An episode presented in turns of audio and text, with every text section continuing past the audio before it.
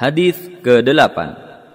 Islam, agama sifat malu, lemah lembut dan interaksi yang baik.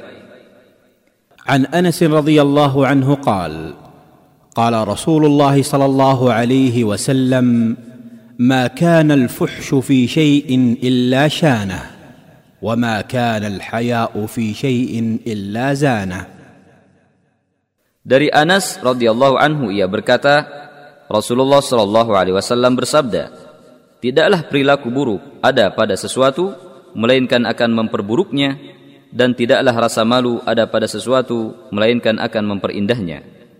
Hadis riwayat Tirmizi, Ibnu Majah dan ini lafaz Tirmizi. Imam Tirmizi mengatakan hadis ini hasan gharib dan disahihkan oleh Al-Albani. Perawi hadis Abu Hamzah Anas bin Malik Al-Ansari, pembantu Rasulullah sallallahu alaihi wasallam, lahir di Madinah 10 tahun sebelum tahun Hijriah.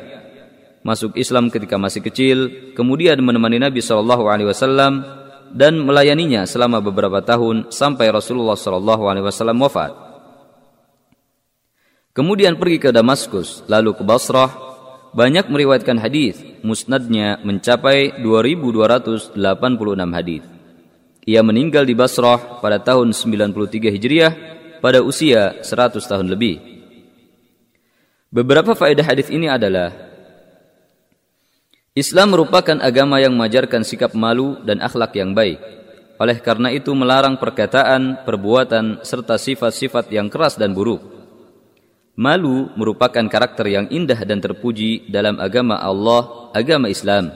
Maka hendaklah seorang muslim berakhlak dengannya.